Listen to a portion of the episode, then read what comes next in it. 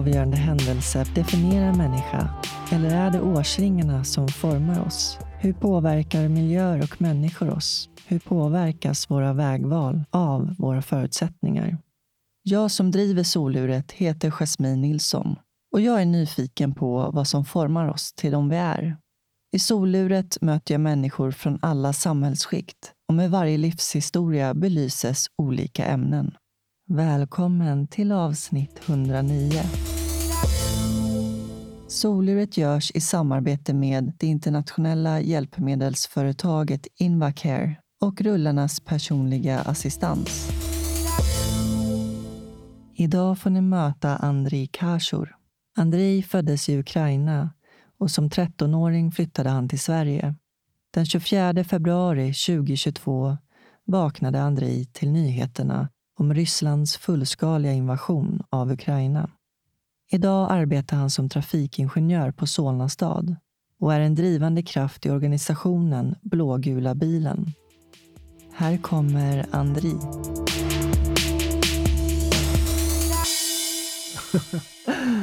ja, men ska vi köra? Ja, absolut. absolut. Varmt välkommen till soluret, Andri. Tack så mycket. Hur mår du en dag som denna? Jo då, nej men jag mår bra idag. Det är en stor dag för mig idag. Det är 24 augusti och det är ju Ukrainas självständighetsdag. Eh, och sen är det min sambos födelsedag. så det eh, dubbelt firande. Dubbelt firande, mycket att göra men eh, också trevligt att man förfirar dagen i rådande omständigheter även med dem. Såklart. Vad betyder den här dagen för dig? Nej, men det är en väldigt viktig symbolisk dag. Det är en dag som hela ukrainska folket egentligen väntat på i, i många år, jättemånga år. Eh, och nu eh, så firar man den sedan 91 och speciellt nu sedan eh, fullskaliga invasionen då så betyder det ännu mer. Eh, för att man skickar ett budskap att liksom, vi finns kvar och Ryssland kommer inte lyckas att bryta ner folket och göra så att Ukraina försvinner från världens eh, karta. Så, utan man visar starkt att vi finns kvar här och vi kommer fira den här dagen och vi finns. Och det är jätteviktigt just nu i krigstider. Verkligen, det är extra viktigt nu för demokratin och vår frihet och mänskliga rättigheter. Och, ja, det finns mycket symbolik. Absolut. absolut. Det, det känns som att hela demokratiska världen är med Ukraina och liksom firar den här dagen tillsammans. Och det är också viktigt att man känner stödet och därmed eh, alla demonstrationer som kommer att anordnas runt om i världen idag. Väldigt viktigt det kommer ju politiker och eh, lovar kanske hjälp och mer bistånd och allt sånt där. För Ukraina är ju faktiskt beroende nu av västhjälp, både ekonomiskt och militärt. Ryssland försöker göra allt för att förstöra ekonomin. Och man ser ju med det här Svarta havet och hela den här exporten av eh, vete och, och dylikt. Det är ju det som har varit Ukrainas största inkomstkälla. Det försöker de ju bryta. Sen också alla människor som har tvingats att fly runt om i hela världen som aldrig planerat att lämna landet men blev tvingade för att rädda sina liv. Och vi pratar ju liksom små barn eh, som man ser. Det har jag sett förra året på demonstrationen. Eh, mycket flyktingar med tårar i ögonen. När de satte den här filmen eh, när hela 24 februari började. Att alla flyr, det är fullständig kaos, panik, stridsvagnar, bomber, helikoptrar. Och jag tänker ju själv som har barn liksom att det är ju rent av så hemskt att man ska bevittna det här live. Och då är det klart att man flyr. Men sen när man är väl utomlands är det också väldigt svårt. Inte lätt att vara invandrare. Liksom. Alltså kanske de som har planerat, som mig då som kom hit 2001. Då har man ju tänkt att om vi kommer flytta, då är det en sak, tänker jag. Men om du blir tvingad och haft jättebra i ditt egna land, men sen från ingenstans måste du flytta på grund av någon galning som ska liksom bomba landet. Alltså det är hemskt. Och jag har ju haft mina släktingar här i början min kusin, det var ju hans familj som var här, eh, alltså hans nyfödda dotter, sex månader gammal, och hans fru. Men han får inte lämna landet. Då skulle de vara här utan honom. Och kriget drar ju ut på tiden.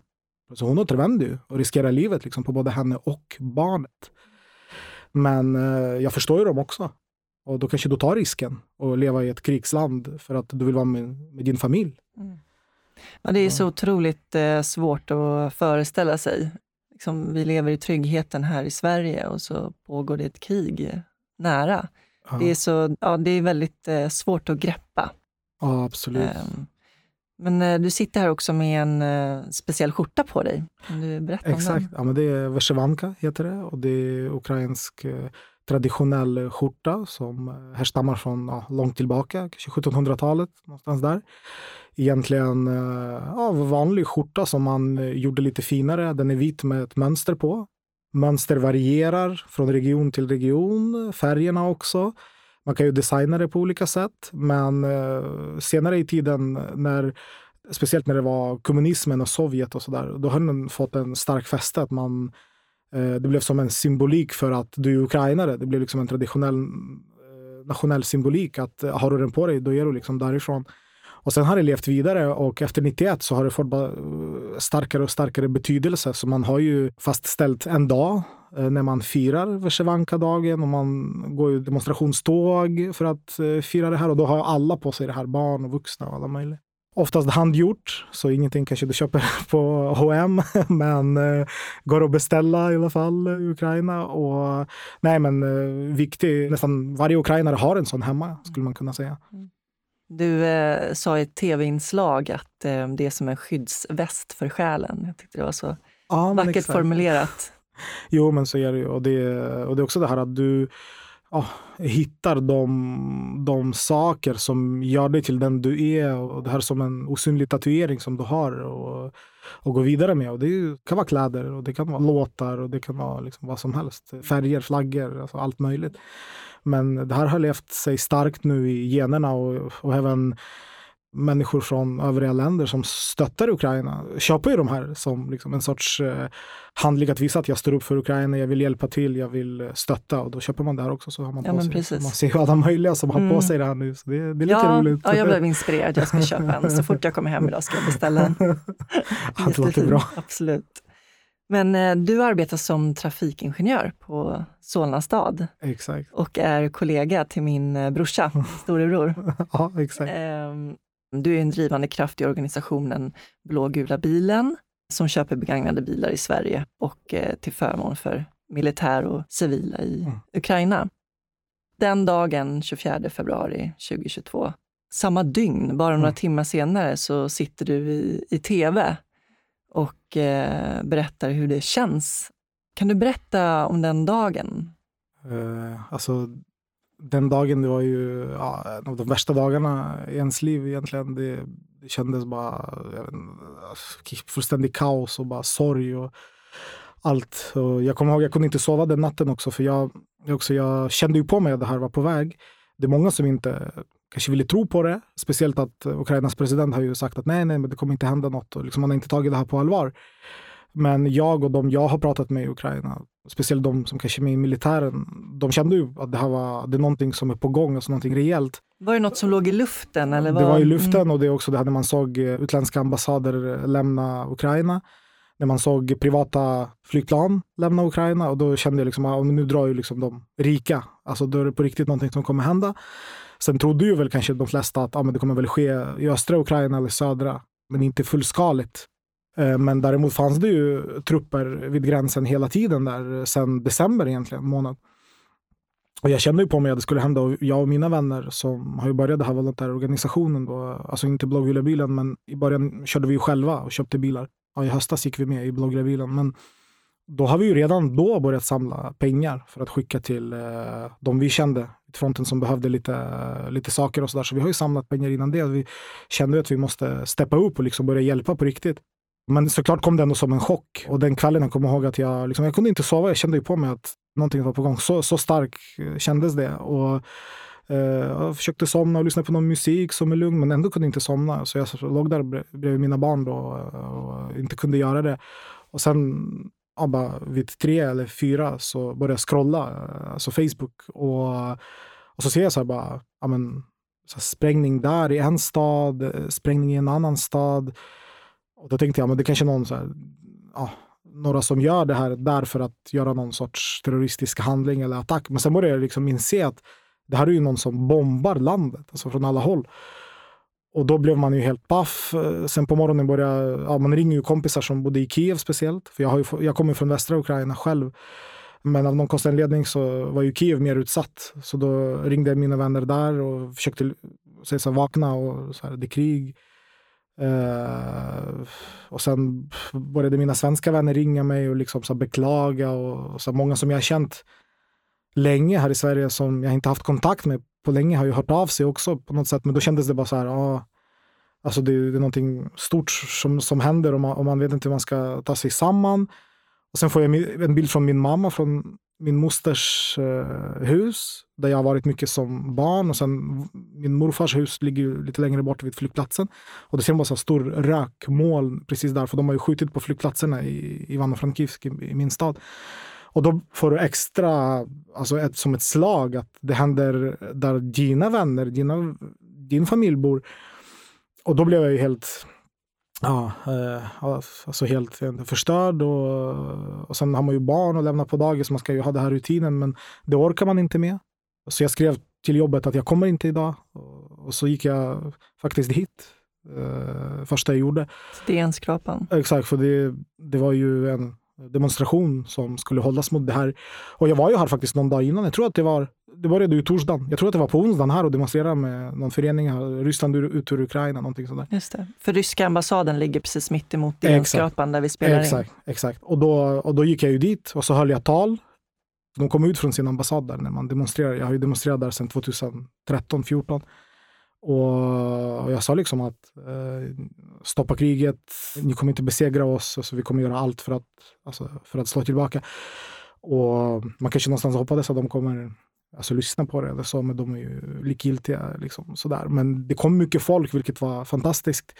Men sen också det här medieuppmärksamheten var ju jättestor och jag har varit både på TV4 och andra medier innan, så på något sätt har ju mina kontaktuppgifter spridits eh, bland media.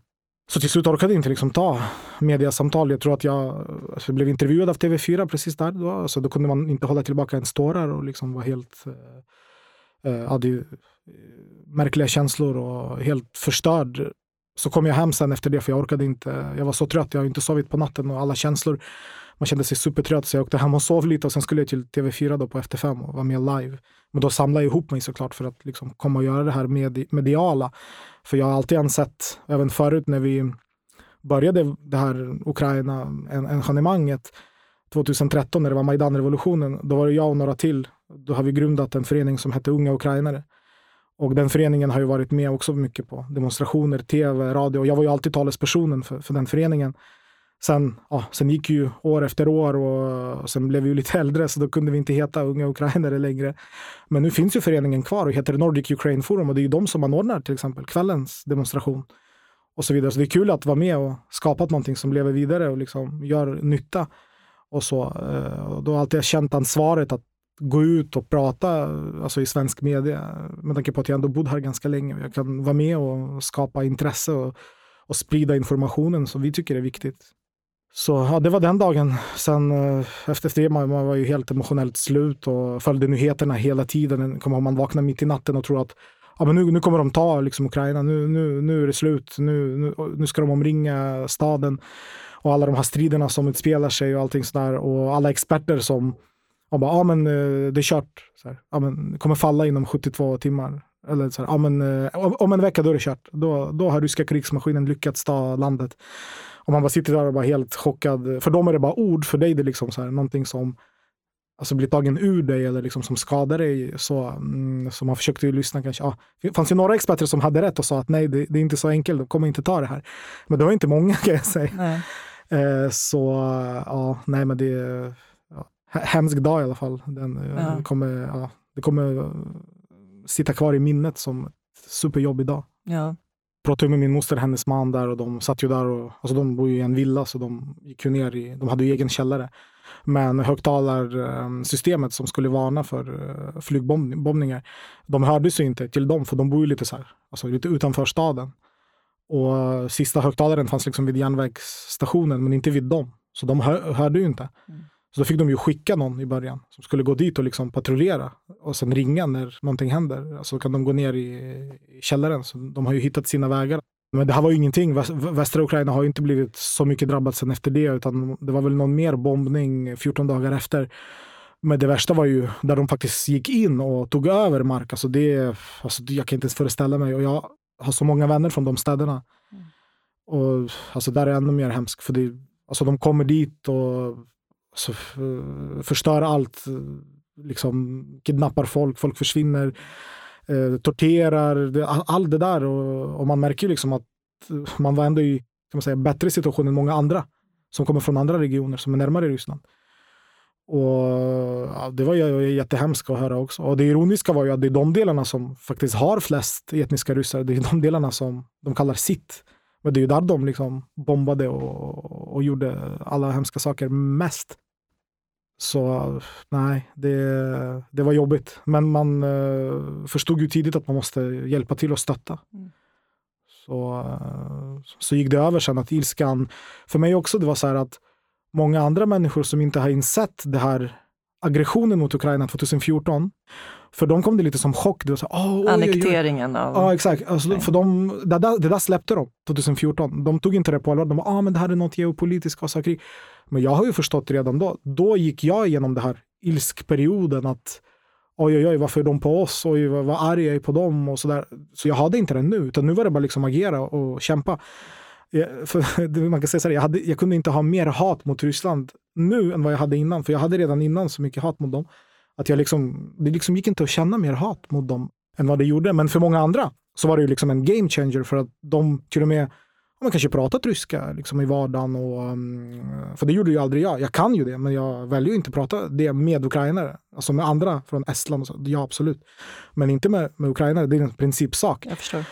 Och det har folk inte fattat. Ah, var, varför då? Alltså, alltså var, varför gör du inte det? Och, och, och det har jag också förstått att om, om du fortsätter liksom att var under deras eh, informativ propaganda, deras eh, musik, eh, allt det här som de sprider i Ukraina, då kommer du liksom förbli en del av dem. Och sen till slut kommer de efter dig, eller de kommer kanske inte efter dig, men de kommer liksom locka dig till sig. Eller om du inte håller med, då kommer de liksom, ja, köra över dig. Och det är det som många inte fattade, för de uppfattar sig själva, om jag är ryskspråkig ukrainare och, och jag är liksom, ja, jag tycker det är bra, så här, ja, men jag har lite släktingar i Ryssland, det är lugnt. Så här, lite hit. Eh, men det som var också skillnaden med de här, det som också som Ryssland inte liksom uppskattade, det är att dessa människor, de är ju många i Ukraina, ja. Och de kanske så pratar ryska och lyssnar på rysk musik och läser litteratur och det är väl normalt så. Men de vill inte tillhöra Ryssland. Det är det som är stora skillnaden. Alltså, du kanske, det är samma som engelska. Att, eh, alla kan väl inte tillhöra England eller USA, utan man kan ju prata engelska i vardagen men kanske inte ja, bo i Sverige. Och det är det som de misslyckats med. Men nu har ju den här identiteten blivit mycket, mycket starkare bland människor som, som kanske inte känt sig helt ukrainska. Så nu känner de sig mycket mer ukrainska och folk byter språk och liksom pratar så konstigt på ukrainska för de har aldrig gjort det och, och sådär. Och det är ganska roligt att se det här och det, och det är ju så liksom en nation formas eller liksom förstärks. Och, och det har varit problem. Just här, identiteten. Identiteten och den här identitetsproblematiken har ju funnits i landet alltid. Eh, väst mot öst, eller så här, ja, men halva röstar på västvänliga ledare, öst och syd röstar på ryssvänliga. Men det har att göra med det här alltså de här hundratals åren av alltså, ryssificering i Ukraina. Alla ryska tsarer och kommunistiska ledare har gjort allt för att liksom förstöra den ukrainska identiteten. Man har flyttat in ryssar, man har svält ut ukrainare, man har flyttat ut ukrainare till Sibirien och eh, skickat in några andra. Och sen till slut har du det här att det är raderat på något sätt. Och det har alltid varit prestige att liksom prata ryska. Och det, var så och det har ju min mamma berättat för mig också när hon växte upp. Hon växte upp i, i Sovjet så att säga. Hon född på sex, ja, 64. Men skillnaden är, mellan länderna, det är ju historien. Det, all, det kommer alltid tillbaka till historien. Liksom. Vår del har liksom inte tillhört eh, ryska imperiet alls. Eh, alltså Galicien där jag kommer ifrån och, och Karpaterna och all, alla de här länderna har ju tillhört Österrike-Ungern eller Polen. Eller så. Man har alltid tillhört västvärlden, man har inte tillhört eh, Ryssland.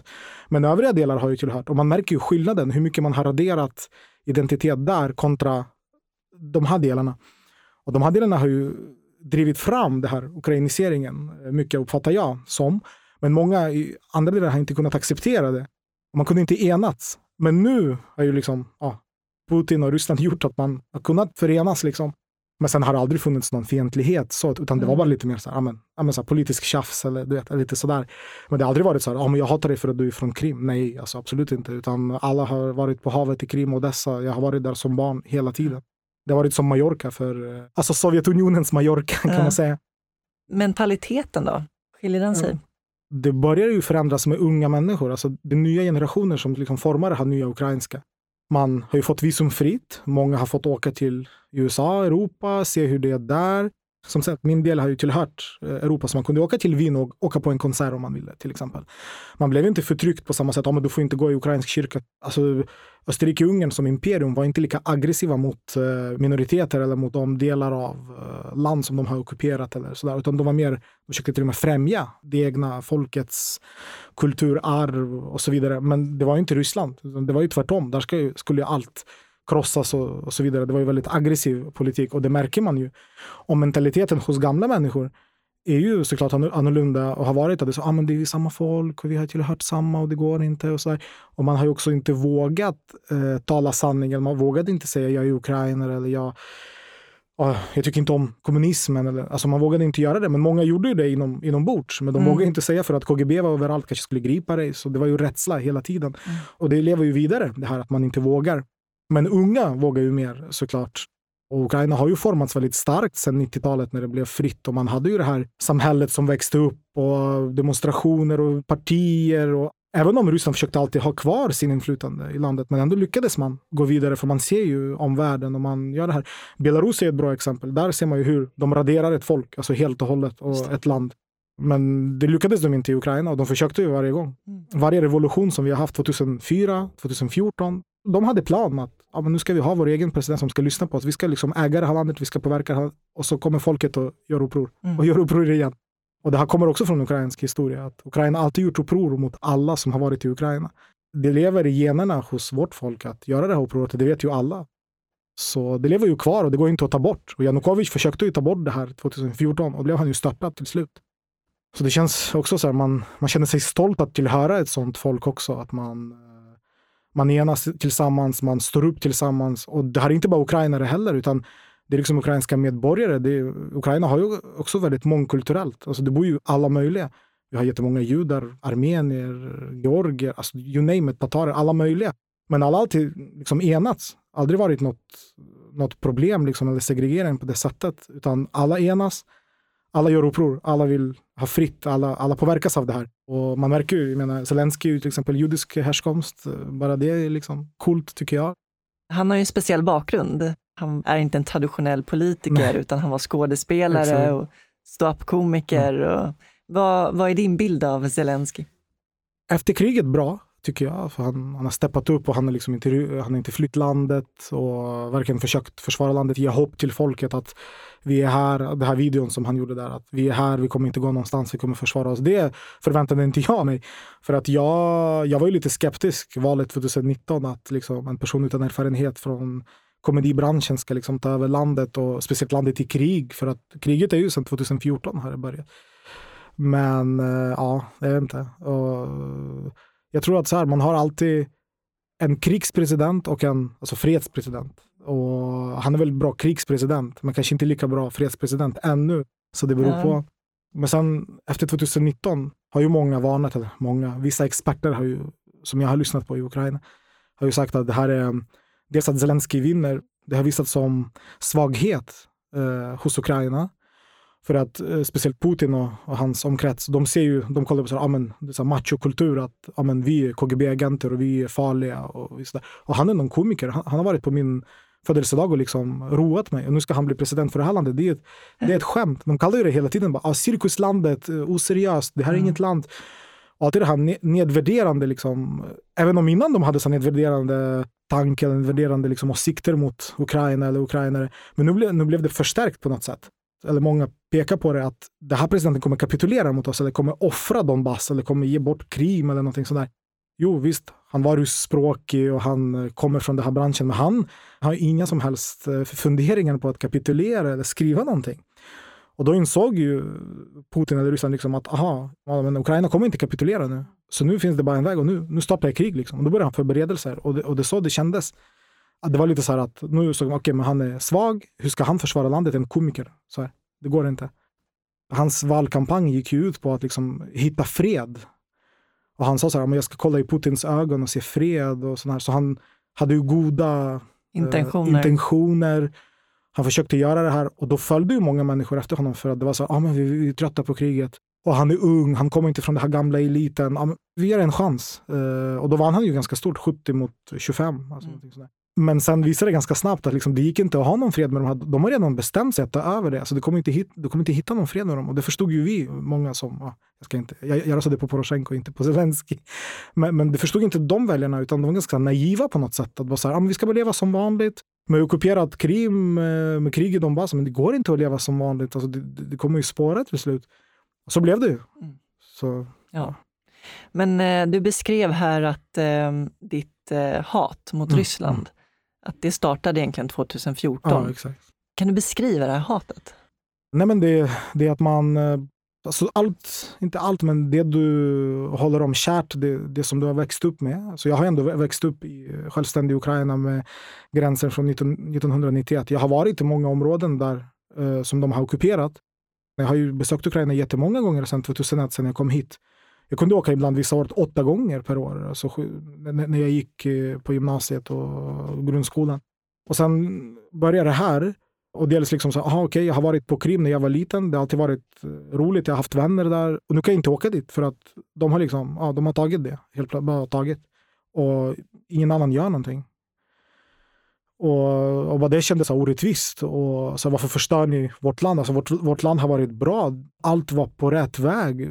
Man var på väg mot EU. Man ordnade mycket reformer. Man, man försöker i alla fall gå framåt. Ekonomin blev bättre. Allt. Och så kommer de att förstöra allting och gör liksom Ukraina till en inte, stat som har problem, som har territoriala problem och börjar hitta på det här. Ah, det är inbördeskrig och ni hatar de här människorna från Donbass och det är folket i Donbass. Vad är det för folk?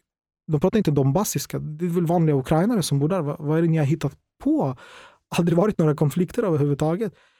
Och allt det här kändes bara så här, alltså, det här gör de ju, det här är inte första gången de gör det här. De, de har gjort det här förut. Och de gör det här för att skada landet, för att skada folket. De, de gör det här anfallet här mot oss och försöker liksom, ja. Och då kände jag så här, jag bara, det här är för jävligt. Och sen när våra soldater började dö där i, i Donbass, då kände jag ännu mer hatade. Eh, ska våra grannar och sådär gå bort i, i det här kriget för att de har börjat det här och på något sätt skickat sina specialagenter, sina terrorister, om man ska kalla dem, som har vapen där och tränade och ska göra så att säga kaos i Donbass. Och ska våra eh, frivilligt gå med i ukrainska armén som har varit helt förstörd 2014. Det fanns ju ingenting. De bara tog vapen själva, bara vi ska försvara vårt land. Ska de här människorna dö bara för att kriga mot ryska armén utan några som helst resurser? Och ändå gjorde man det och befriade 60 procent av det ockuperade i Donbass i början. Och det var ju starkt. Men folk dör ju varje dag och så får du de här nyheterna varje dag, varje dag. Varje... Sen 2014. Och nu kommer det här med tio gånger så hög hastighet. Mm. Och det kommer igen hela tiden. Och civila också nu. Och när du tittar på allt det här hela, hela tiden, det blir bara, det blir bara paff, det blir bara matt. Alltså, du, du orkar ju ingenting. Och därför det, här också, det finns ju ett utrymme av hat som du når maximala liksom, punkten på och sen kan du inte känna mer hat efter det. Och det är väl så jag kände. Man blir likgiltig till slut. Det blir likgiltigt och mm. då fokuserar du på vad kan du göra för att hjälpa? Vad kan du göra för att stötta eller, eller stoppa eller sådär. Och det blir på ett annat sätt. Men det är faktiskt bättre för att då är du... Jag har ju varit mycket mer eh, eh sammanhållen och liksom visste vad jag skulle göra 2023 kontra 2014. Då visste jag inte vad jag skulle göra. Då var jag bara, ja. Sen vi gick och demonstrerade så man gjorde väl någonting, men det var kanske inte lika konkret som nu. Då kände jag direkt att jag ville göra något konkret. Jag eh, ville hjälpa med ja, vad behövs det? Ja, soldaterna behöver bilar. Ja, men där kom det. Ja, det finns jättebra bilar i Sverige. De är inte så dyra. Ja, men jag, kör på, jag kör på den linjen. Mm. Och då valde jag att fokusera på det helt. Nu tar vi en kort paus och ringer upp min samarbetspartner Invacare. Invacare, Mikael Forsman. Tjenare Mikael, det är Jasmin från Soluret här. Hallå där. Vad gör du för någonting på Invacare? Jag jobbar som produktchef, ansvarar för eh, elsegmentet egentligen. Elrullstolar, skotrar, drivaggregat och sen även oxygenutrustningen som vi har. Och du har jobbat på Invacare länge? Det börjar vara några år som man har under bältet nu. Jag började den 1 april 2001 så att det är väl ett stående aprilskämt på Invacare. Ja. Och sen har du ju en bakgrund som personlig assistent också. Det måste varit en bra erfarenhet när det kommer till användning av hjälpmedel till exempel. Att du fick en inblick i det. Definitivt. Jag flyttade ju ner från Skellefteå ner till Stockholm 1998 och det var ju så som jag fick upp ögonen egentligen för den här branschen. Att eh, jag jobbade under, under fyra år som personlig assistent och sen så kände jag väl att eh, jag ville fortsätta göra någonting inom den här branschen. Jag visste inte riktigt vad. Och då så såg jag en annons från Invacare och kastade in en ansökan och på den vägen är det. Började på kundservice och sen så har jag, blev jag produktchef och sen så har jag blivit kvar på den positionen. Mm. Nej, det, det är kul. Alltså, jag trivs väldigt bra i mitt jobb, i min roll. Härligt att höra. Och eh, det har ju nyligen varit Hjälpmedelsdagen som varit väldigt lyckad. Ja, det måste jag säga. All heder till mina kollegor som rodde i land den. Vi har ju sedan några år tillbaka nu alltid uppmärksammat Hjälpmedelsdagen den 23 september. Sen brukar den ju infalla emellanåt på lördagar som i år, så vi körde det på fredag då, digitalt. Det var väl närmare 500 anmälda. Fantastiskt bra föredrag och jag måste säga att jag tycker det var den bästa hjälpmedelsdagen som vi har gjort sedan vi började uppmärksamma den.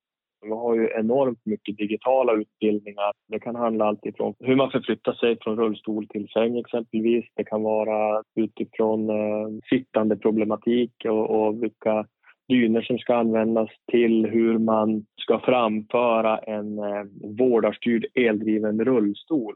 Och det enklaste att få information om vilka utbildningar som vi har det är ju att prenumerera på våra nyhetsbrev. Och det, det, är bara att gå in på invacare.se och sen så kan man anmäla sig för att få det här nyhetsbrevet. Ja, men det låter ju toppen verkligen. Men eh, tack så mycket, Micke, för infon. Tack själv. Det ska bli intressant att fortsätta lyssna på det här avsnittet också. Ja, tack så mycket. Ha det bra så länge så hörs vi. Det gör vi. Ha det gött. Hej då. Hej då.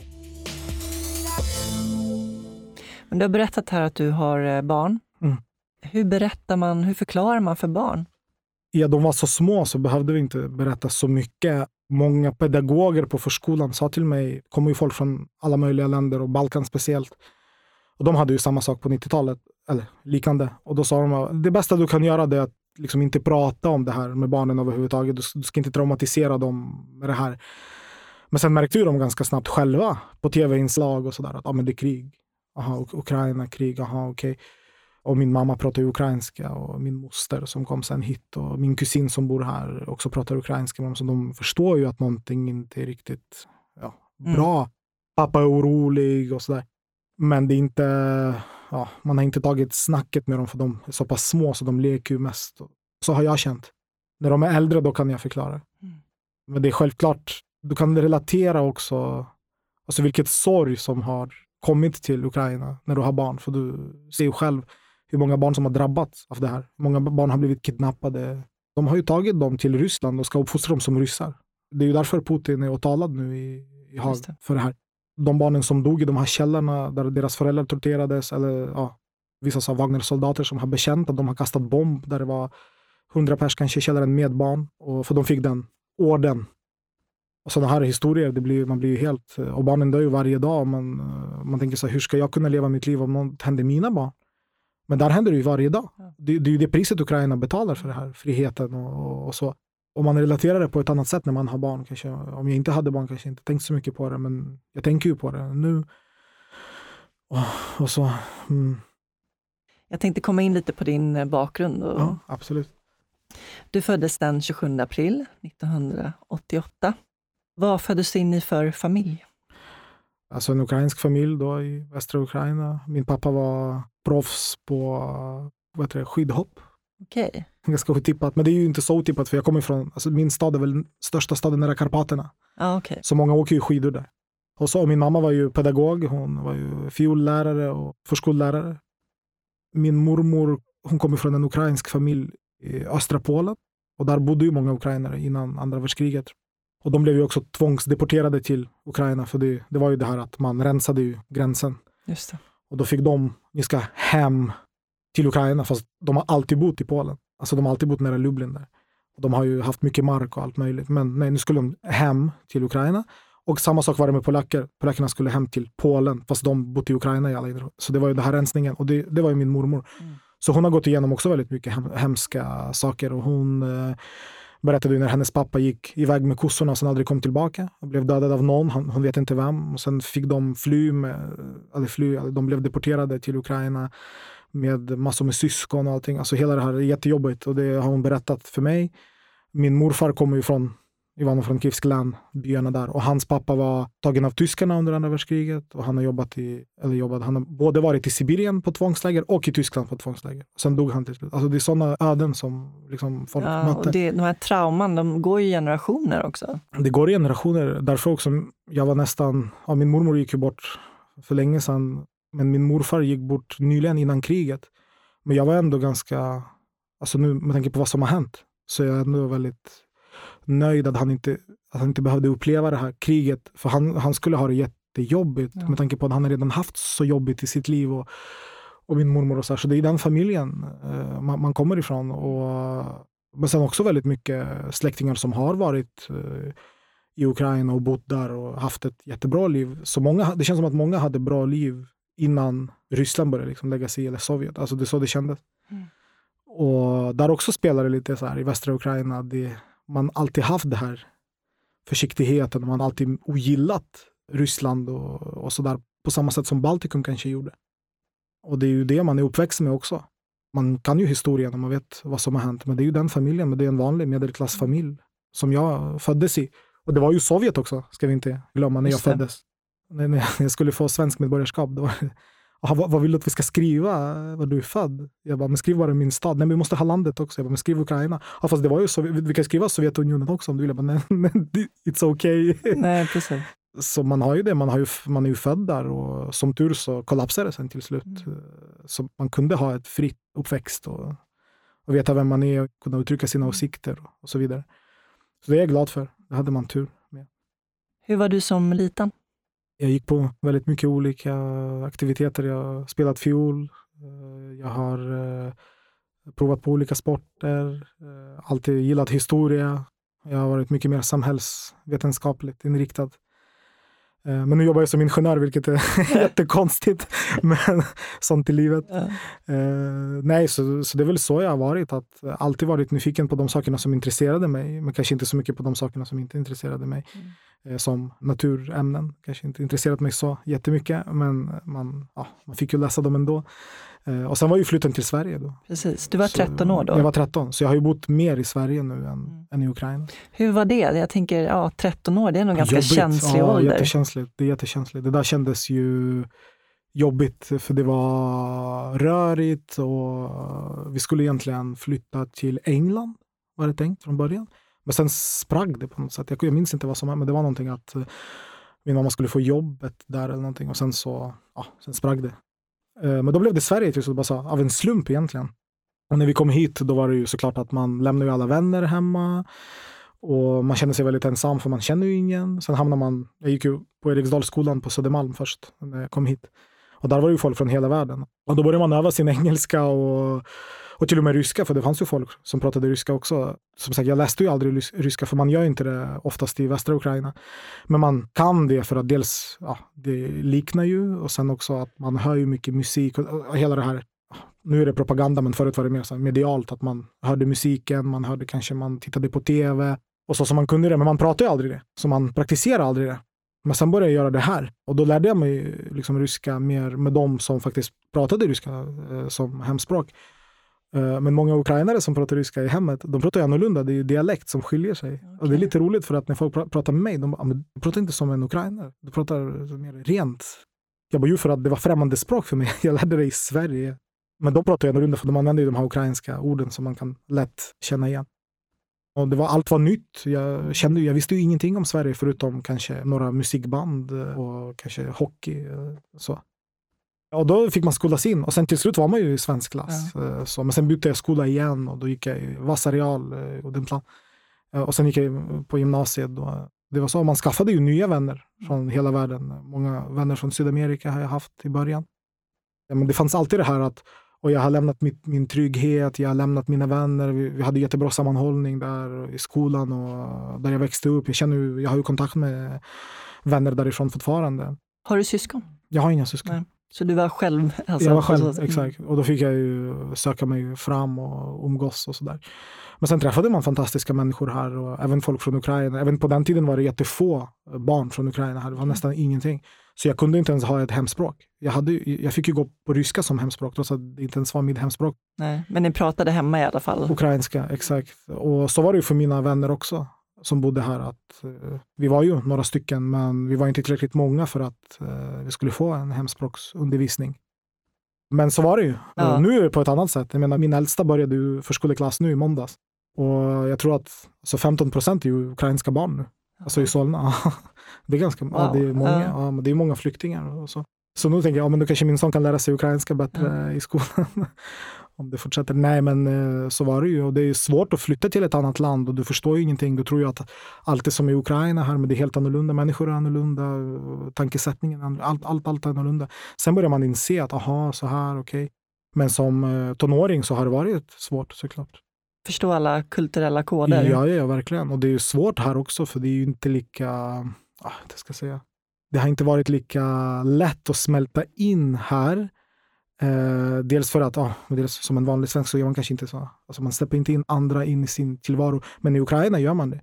Så i Ukraina är det vanligt att du träffar en person första gången och så är du som bästa vänner och sitter där och, och pratar hela kvällen. Mm. Men här kanske inte är lika vanligt. Eh, och sådana saker har man börjat inse det, det på ett annat sätt. Och, och, så. Men sen lär man sig såklart och fortsätter. Men det har ändå varit fantastiskt att bo i Stockholm för att eh, man har träffat så många olika människor från hela världen som man kanske aldrig hade träffat om man bodde kvar i, min stad då, eh, i Ukraina. Och det kändes ju jätteroligt att engagera sig på olika sätt och, och, så. Man skapar det här, man bygger på sin identitet eh, på det här sättet och fortsätter. Men en sak var klart att jag jag har ändå alltid haft nostalgi på något sätt. Jag, alltid, jag vill inte glömma Ukraina och det handlar inte så mycket om att jag är ukrainare, jag är inte alltså, det är inte det. Utan, alltså, jag känner mig som svensk också jättemycket, men, men jag eh, svensk ukrainare, jag, jag, vill inte glömma landet som jag har bott i. Jag vill inte, alltså nu, lämna mitt land åt sitt öde som många faktiskt gör och inte hjälper någonting eller inte vill engagera sig överhuvudtaget. Så jag har alltid känt att jag måste stötta, jag måste hjälpa. Jag, jag är bra resurs för Ukraina här. Jag kan hjälpa landet. Och visst, hade det inte varit krig så kanske man inte behövde bry sig. Utan ja, åka till Ukraina ibland och käka lite mat, det räcker. Så var det ju förut, men mm. sen förändrades det. Mm. Och nu är det på liv och död. Varje bild vi skickar räddar ju liv. Ja. Hur var det för dina föräldrar att integrera sig i svenska samhället? Uh, men det gick faktiskt bra. Nu kom jag inte med min pappa, jag kom med min styvpappa. För mina föräldrar var skilda. Men min mamma kom ju in väldigt bra. Hon uh, skaffade jobb på förskola ganska snabbt jag började jobba, hon tyckte allt var bra, det funkade. Jag tror att många som växte upp i Sovjet och, och sen bodde på 90-talet när det var svårt ekonomisk situation i, i hela forna Sovjet. Eh, man uppskattade den här tryggheten, man aldrig haft den här tryggheten. Man uppskattade väldigt mycket. Och så upplever jag även mina vänners föräldrar tycker att de gillar ju Sverige just för den här stabiliteten. De kan slappna av, de kan göra något annat, åka till havet och bara inte behöva tänka på ah, men vad gör jag nästa månad eller jag kommer förlora jobbet eller, eller någonting sådär. Och sen också det här att man faktiskt kan klara sig på sin lön. Det är också väldigt viktigt för mina föräldrar.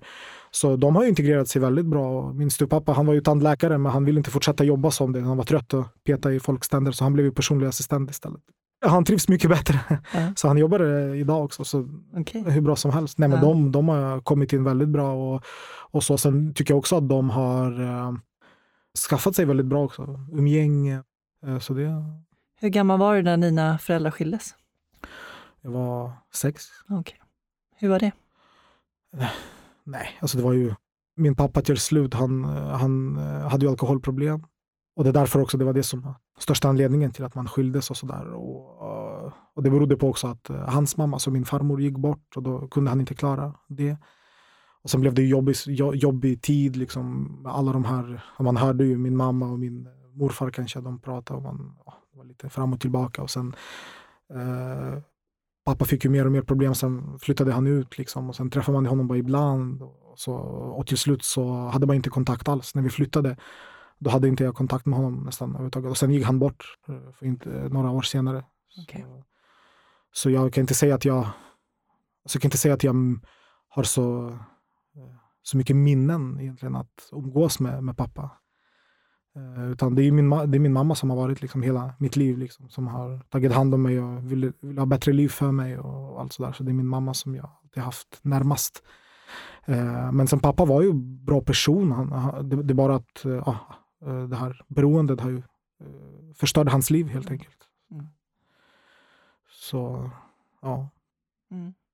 Ja, jag känner igen det där. Min pappa hade också alkoholproblem och lever in, inte idag. Men um, på något sätt så vill, man, vill jag ändå ha en relation till honom.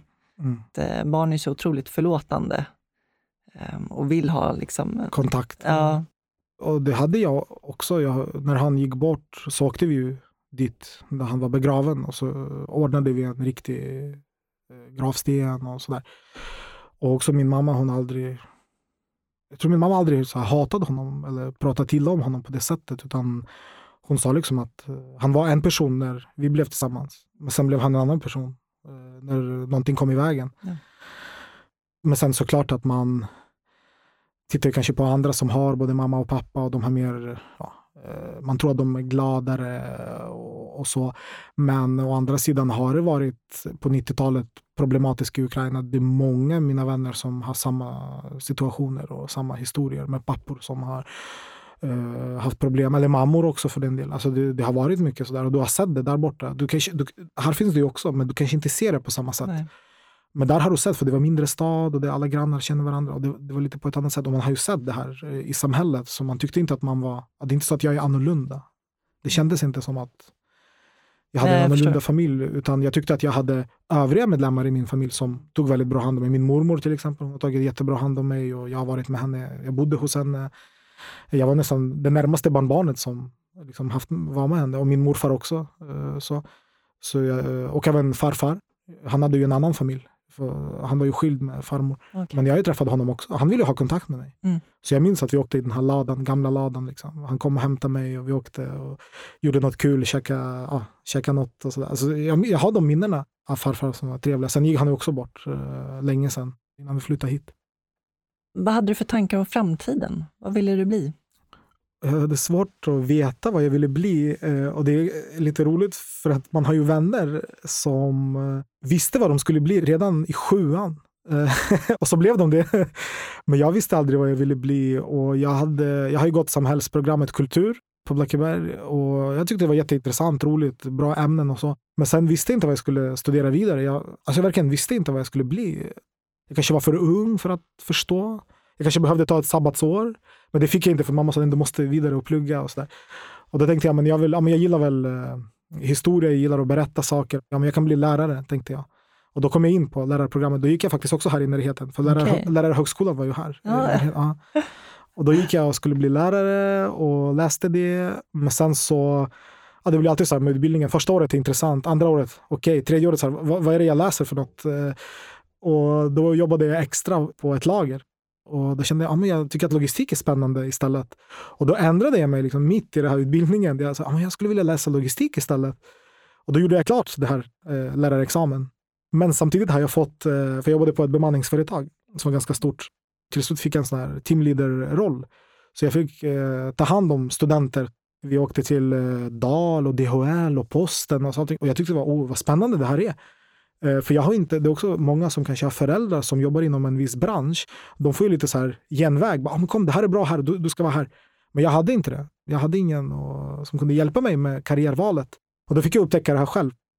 Men det jag alltid gjort, jag har alltid tagit alla jobb. Alltså jag har jobbat med allt möjligt. Jag har jobbat på nattklubb, jag har jobbat eh, som så bar, eh, vad heter det? barnisse. Bartender? Jag, inte bartender, nej, nej, nej, utan jag hämtade bara glas. Okay. Och jag har jobbat på förskola, jag har jobbat med barn, jag har jobbat eh, på en metallindustri. Jag har jobbat bara så här, alltså, du gör samma sak, du stoppar in en liten metallbit, trycker på knappen, tar ut den och så hela dagen. eh, och det har också format mig för jag var nyfiken på olika jobb. Jag sa, vad jobbar människor med? Alltså, vad gör människor? Mm. Och då försökte jag prova mig fram.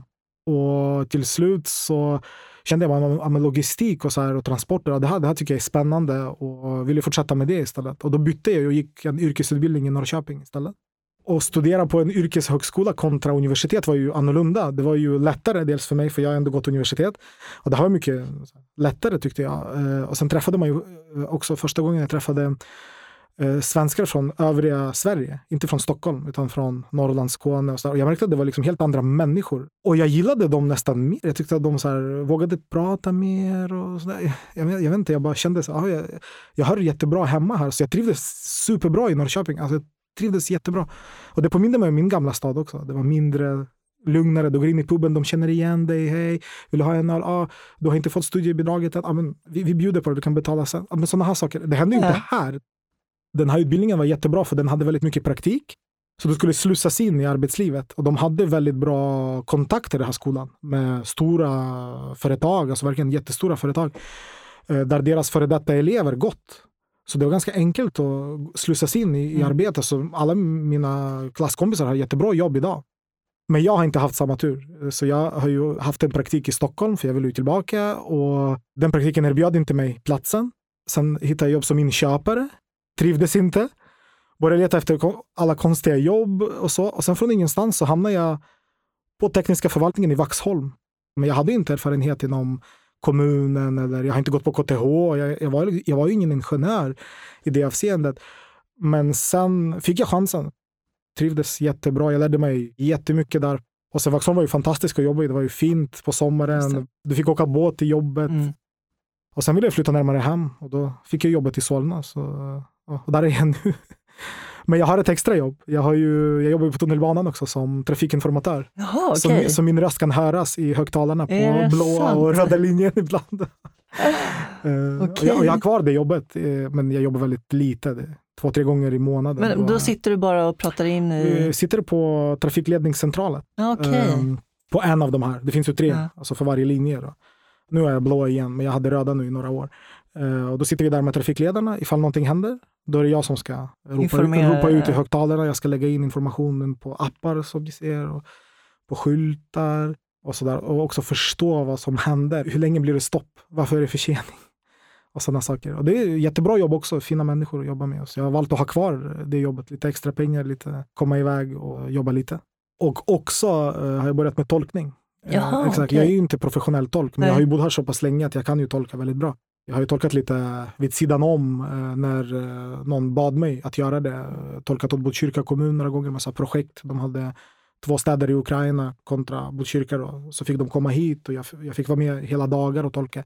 Och då tänkte jag, jag vill hjälpa flyktingar också. Det har varit svårt att hitta tolkar när det kom så många flyktingar. Det fanns ju inte. Och jag är ju emot att de ska bli erbjudna ryska tolkar. Så jag ställer upp där också. Hur hinner du med allting? Ibland, det tolkar inte så mycket, utan det är verkligen ibland någon halvtimme där och här mm. och sådär. Men, eh, nej, men planerar man allting så hinner man ju. Eh, så. Det känns som du alltid har varit väldigt driven och ambitiös. Uh, jo, men, men det är också det är på olika sätt. För när man säger ambitiös du vill åt karriären, du vill högre upp. Det är inte det som har drivit mig, utan det som har drivit mig det var ju nyfikenhet och sen med det hjälpa andra. Att jag mår bra av att lära mig nya saker. Jag mår bra av att eh, kanske jobba lite grann på ett nytt företag eller vara med i något projekt eller någonting vid sidan om. Och, så där. och det gav mig eh, tillfredsställelse. Eller liksom att jag mådde bra av det och då fortsatte jag med det.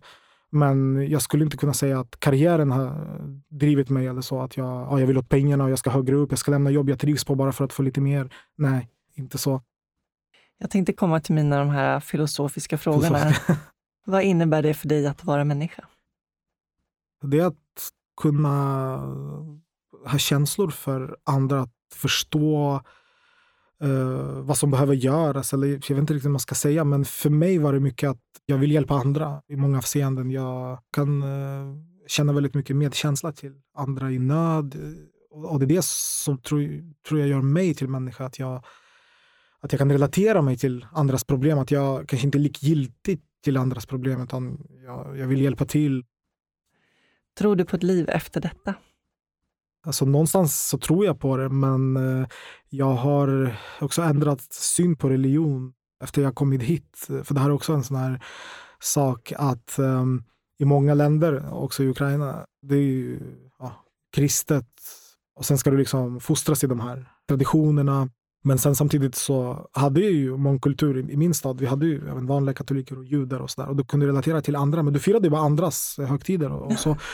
Och då tänkte jag, men det är väl roligt. Så här, men jag har aldrig känt mig liksom religiös eller så att jag trodde på det. Och sen när man växer upp och ser alla de här, ah, jag vet inte, hela världen. Och det, det är så mycket problem och det är så mycket lidande och så mycket så här, då tänker man, alltså, finns det verkligen någon där uppe som liksom tillåter det här? Alltså, jag börjar tänka i de termerna.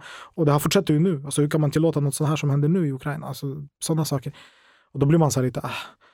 Och sen när man hade religionkunskap på gymnasiet här i Sverige och fick lära sig om allt från eh, stora religioner till eh, alla sekter. Jag kommer ihåg att vi fick intervjua någon så konstig sekt som trodde på utomjordningar. Och det var ju helt sjukt. Och sen när man fick höra sina klasskamrater som också fick andra sekter att intervjua. Och så kommer de och berättar om det här och man bara sitter där. Vem har hittat på det här? Och man bara, vad, vad, vad är det här? Och då har man en annan syn på det. För att mm. bor du i Ukraina, då lär du dig inte alls någonting om andra religioner. Det är bara kristendomen du ska lära dig, inget annat. Det känns som att Sverige kanske har gjort mig mindre religiös mm. sen jag kom hit. Mm. Jag vet inte. Men sen tycker jag ändå spännande med de här um, andra religioner där man säger, ah, men du blir någon så djur efter du har dött. Då är det lite kul, det är lite så spännande. Jag blir en björn, alltså, något sånt där. Så jag kanske väljer att tro på det där. När känner du dig fri? Jag känner mig fri bara när man, um, när man kan uh, vara för sig själv. Det är också det här med egen tid eller det här med att du ska hitta dig själv eller bara samlas med dina tankar eller bara hantera din stress eller sådär. Att bara vara för sig själv är ju för mig frihet. Men sen också det här eh, att i det här läget vi befinner oss nu, det här med demokratiska värderingar, länder, vet, livsvillkor. Och då är det väldigt viktigt för mig att jag, menar, jag vill bo liksom, i det här landet för jag tycker att det här landet är rättvist. Jag, tycker att, alltså jag vill att Ukraina ska bli som Sverige. Det, är också, det här har också varit min drivkraft jag har alltid velat att Ukraina ska bli som Sverige. Mm. Kanske det låter så banalt på något sätt, men jag tycker att det är bra för Sverige att ha fantastiska saker som man har uppnått.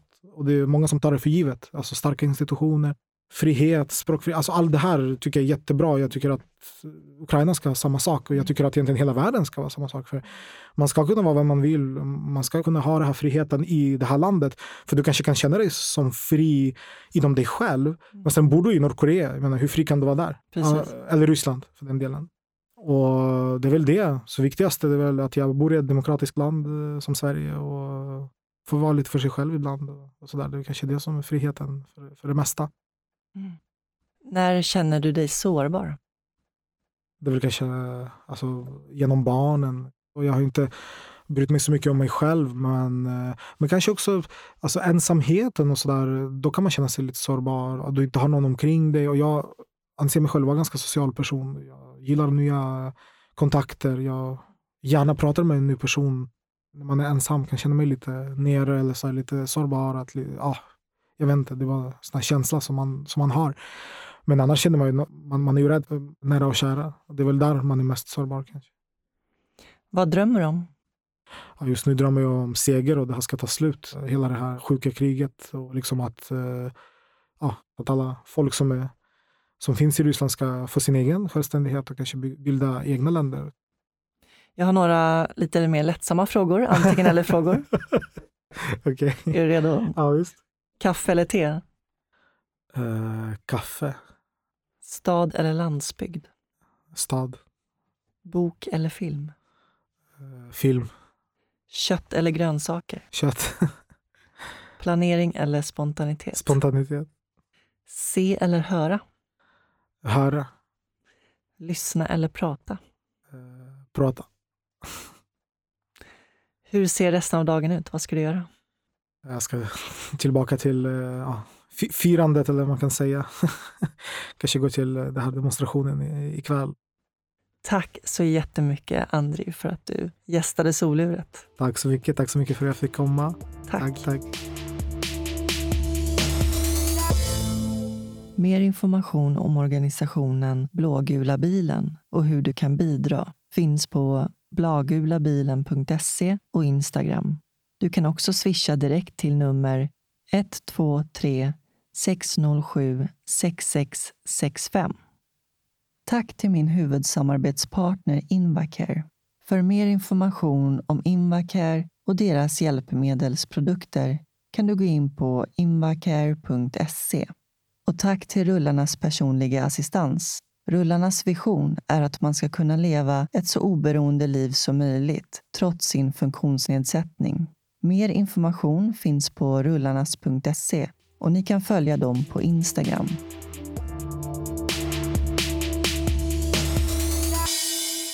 I nästa avsnitt får ni möta Jacqueline Bratt. När Jacqueline var 11 år gammal förlorade hon båda föräldrarna. En i cancer och en i suicid. Hon längtade efter att få bilda sin egna familj och ville inget annat hellre än att bli mamma. Hon är socionom, relationsrådgivare och är författare till boken Felicia. En liten flicka kom, log och vände. Tack så mycket för att ni lyssnade och ta hand om varandra där ute. Puss och kram, hej då!